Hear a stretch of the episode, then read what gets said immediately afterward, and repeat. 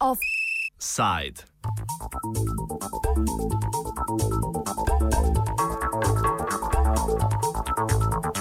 ساق الخري إلى من جرت وخ الخري إلى من ترك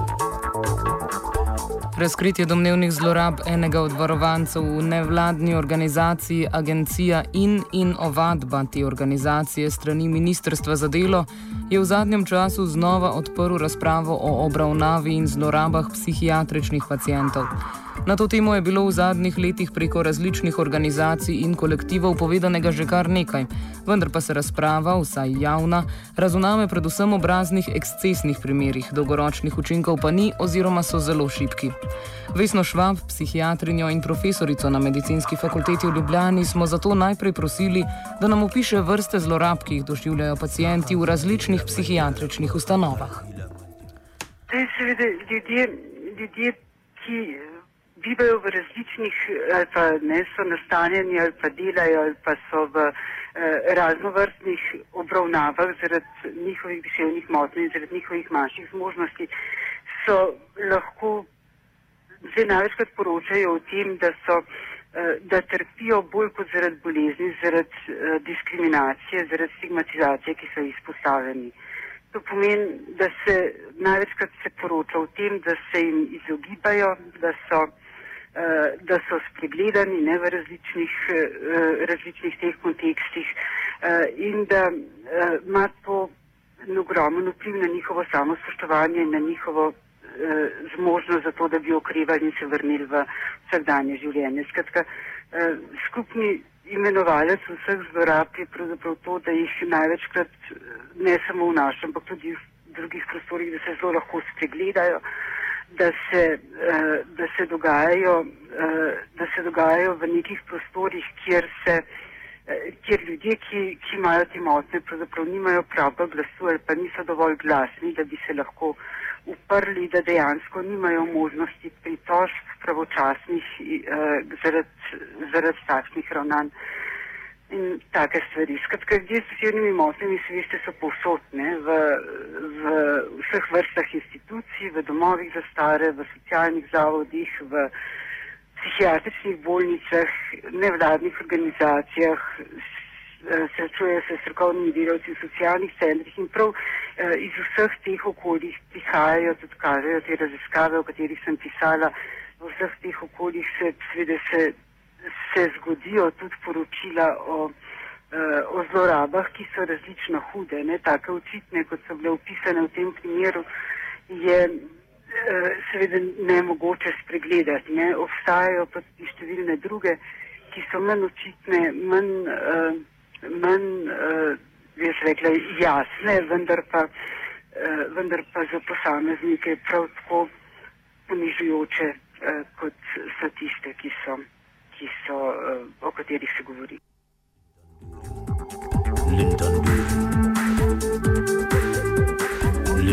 Preganjanje oziroma odkrivanje takšnih zlorab je največkrat oteženo zaradi narave ustanov in pacijentov, ki ali niso sposobni ali pa nimajo možnosti takih zlorab prijaviti. Vesno Švab smo zato vprašali, kaj je najbolj učinkovit način preganjanja zlorab temeljno vprašanje je, zakaj niso sposobni. Ne? Zdaj ljudje z duševnimi motnjami so kot drugi ljudje, ne trpijo na enak način in imajo večinoma približno enake intelektualne zmožnosti kot drugi ljudje, torej bi bili lahko sposobni protesta eh, ali pa upora proti zlorabam, če ne bi bili na tako sistematičen način diskreditirani na vseh, eh, na vseh nivojih, bom rekla, družbeno ali pa neke, nekih obravnav. Zdaj, to, kar je pravzaprav treba narediti, pravijo mednarodna priporočila, je to, da se tej skupini da večja moč in da se jo pogumi in jo omogoči, da vstopi v družbeni prostor bolj jasno uh, definirano ali pa za bolj, bolj pogumno. No? To je nekaj, kar je pravzaprav bi moralo biti smotrne vsakršne obravnave, posebej institucionalne, no, ljudi z, z vse, vsemi vrstami manj zmožnosti. Obstaja seveda konvencija, kot veste, o pravicah invalidov, ki posebej upozarja na skupino ljudi z duševnimi motnjami kot tisto, ki najtežje pride do svojih pravic in ki, katere, na katere treba posebej paziti, glede tega, da ima zagotovljene osebne človeš, osnovne človekove pravice. Da to so tako jasno in tako glasno upozorila v zadnjih, um, deset, zadnjih parih letih v Evropi, da se mi zdi, da bi morala biti bolj glasno slišena tudi v našem prostoru. In to, kar se je dogajalo, oziroma kar se sumi, da se je dogajalo, seveda ena izmed možnosti, da se o, o področju varovanja pravic te skupine spregovori bolj na glas. Lahko bi torej rekli, da problem ni v zlorabah v sicer popolnem sistemu, pač pa v institucionalizaciji sami in posledicah, ki jih prinaša za vključene ljudi, govori Vesna Švab. Institucija sama po sebi prenese v človeko življenje take uvire, da se slej, ko prej to je že Goffman pisal, ne znajde nekako na področju, ko se brani oziroma ko poskuša, uh, ko poskuša uh, se boriti za pravice, ki bi mu morale same po sebi iti. Institucionalizacija je sama po sebi problem, zato ker ustvarja neka okolja, v katerem se ljudje počutijo, ljudje, ki izvajajo oskrbo, ne osebje v psihiatričnih bolnicah, zavodih, domovih in tako naprej se počutijo posebej, posebej močno, daje veliko, veliko občutek moči, ki ga je težko, uh, ki ga je težko uh, obvladovati v tem institucionalnem okviru. Torej, boljše možnosti za manjše kršitve, za manjše kršitve človekovih pravic te skupine so v nekih, so v lokalnih skupnosti, v lokalnih okoljih, torej tam, kjer je človek doma, tam ima boljše možnosti nekako da je zaščiten, vendar pa tudi tam ne, seveda popolnoma. Potrebno je vzpostaviti oblike nadzora nad ravnanjem strokovnih delavcev, pa tudi drugih ljudi za to skupino na način, da bi, da bi lahko zaščitili njihove pravice. Sveda institucija je sama po sebi problem, prav zaradi tega, ker se v njej, ker njej so skupina ljudi pravzaprav lahko zelo neposredno nadzoruje način življenja druge skupine ljudi in ker se ljudi, ljudje v institucijah Če jim je kaj skupnega, je to, da, je, da slejko prej trpijo zaradi pomankanja samospoštovanja in da seveda slabo izražajo svoje potrebe. Boj proti institucionalizaciji je bila tudi ena od točk aktivističnega boja v preteklih letih. Asjo Hrvatin, eno od aktivnih udeleženk v tem boju, smo povprašali o njenih izkušnjah. Izkušnje so zelo različne. Se pravi, pač, če gledamo širše, deinstitucionalizacija kot nek proces se je pri nas začel v 80-ih in se je po nekem poskusu, se pravi, zaprl se je zavod strate, se je popolnoma ustavil, se od takrat naprej na tem področju ni zgodil nič. Hkrati pa se pravi, večina sredstev, um, ki jih država namenja za to področje, se pravi za oskrbo ljudi s težavami v duševnem zdravju, gre v institucionalno varstvo, se pravi v ohranjanje in vzdrževanje velikih totalnih ustanov. Um, hkrati pa vse, kar je v skupnosti, se pravi nevladne organizacije, ki izvajo kakšne programe, v bistvu stagnira tudi že 15 let, odkar so se razvile stanovanske skupine, dnevni centri, pa svetovalnice, se v bistvu ni zgodilo nič novega. Nobenega nevladne organizacije niso neko gonilo za spremembe na tem področju, ampak so pač v bistvu ful ostale na neki mrtvi točki in zagotavljajo ful uniformne storitve. Tako da jaz poznam kar nekaj ljudi, ki živijo v zavodih, pa bi lahko prišli ven, pa ne morejo, ker nevladne organizacije pač ne zagotavljajo te vrste storitev, ki bi jih ljudje potrebovali.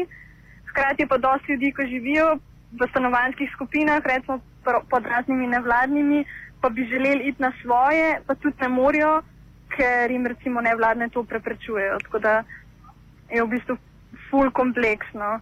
Zdaj, kar sem pa jaz delala, jaz sem pa izvajala oskrbo v skupnosti za različne uporabnike, ki so prišli ven z gibanjem izhod. Uh, in v bistvu način, na katerega smo mi delali, je bil veliko bolj individualiziran, veliko bolj prilagojen potrebam posameznikov.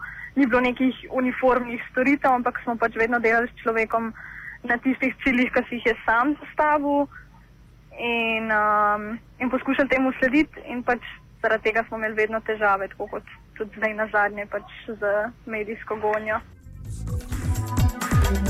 Glede na vstopanje te teme v javno debato, bi bilo smiselno pričakovati spremembe na tem področju. Vesna Švab tako pove svoje mnenje glede učinkov strokovnega nasprotovanja institucionalizaciji in aktivističnih akcij s podobnim namenom. Te oblike protesta pravzaprav niso te dosti učinkovite eh, nikjer bile. Tisto, kar je potrebno, eh, to je, mislim, da seveda učinka ni.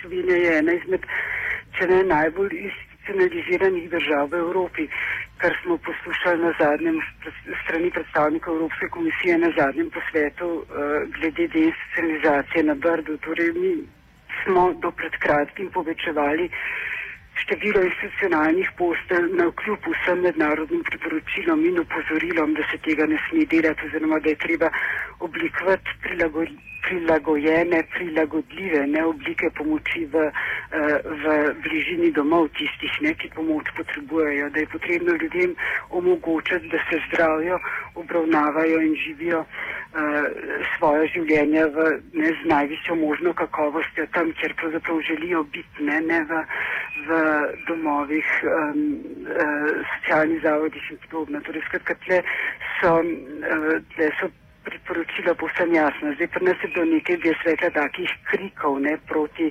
proti eh, nekaj nastopov, no, bi jaz rekla predvsem predstavnikov eh, socialne stroke, čež da ne bi se to eh, nujno eh, zdaj spremenilo, ne, hkrati pa je prav, uh, je prav v tem področju in za sodelovanjem stroke prihajalo do povečevanja števila institucionalnih postelj v Sloveniji. Eh, brez da bi kdorkoli poskušal vzpostaviti uh, kakšen nadzor nad tem procesom oziroma da bi imeli kakšno resno ponudbo uh, k temu, da bi oblikovali službe bolj skupnostno, bolj lokalno. Nevladne organizacije, naprimer, ne, ki, so, uh, ki so ene izmed predstavnikov te, te možnosti za to, da bi se službe organizirale lokalno, osnovno zdravstveno varstvo, ne, to so sistemi, ki so v našem, v našem družbenem uh, sistemu finančno, iz, uh, finančno izrazito podhranjeni v primeri z institucionalnim varstvom.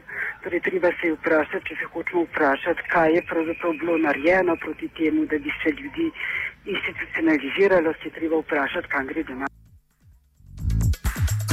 Za konec smo odzivu oblasti na vse večje javno nasprotovanje taki obliki obravnave psihiatričnih pacijentov povprašali še aktivistko Asjo Hrvatin.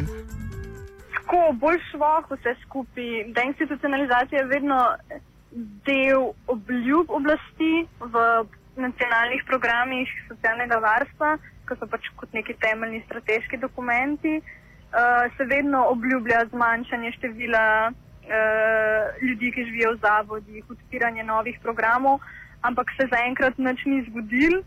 Hkrati pa tudi vem iz prakse, iz ne, iz nevladne organizacije, kjer sem jaz delala, ker sem imela pač stik, da je bilo blazno težko dobiti sredstva, uh, da so razpisni pogoji pol težki, so vedno bolj zaostrujejo, sredstva so vedno manjša. Tako da se mi zdi, da je še vedno full velik razkorak med deklarativno podporo, ker je pač to fajn slediti človekovim pravicam in konvencijam, ki jih je Slovenija podpisala, in pač to neko materialno oziroma realno podporo, ki bi v praksi rabile nevladne organizacije, ki bi rabile sigurno več sredstev, več kadra, več stanovanj, več infrastrukture za pač izvajanje teh programov, tega pa pač ni. Kar je nekako valjda sledi tudi tem trendom zategovanja pasov in zmanjševanja budžeta za v bistvu vse javne storitve, ampak vse ne. Pač jaz bi rekel, da je full velik razkorak med deklarativno in dejansko podporo.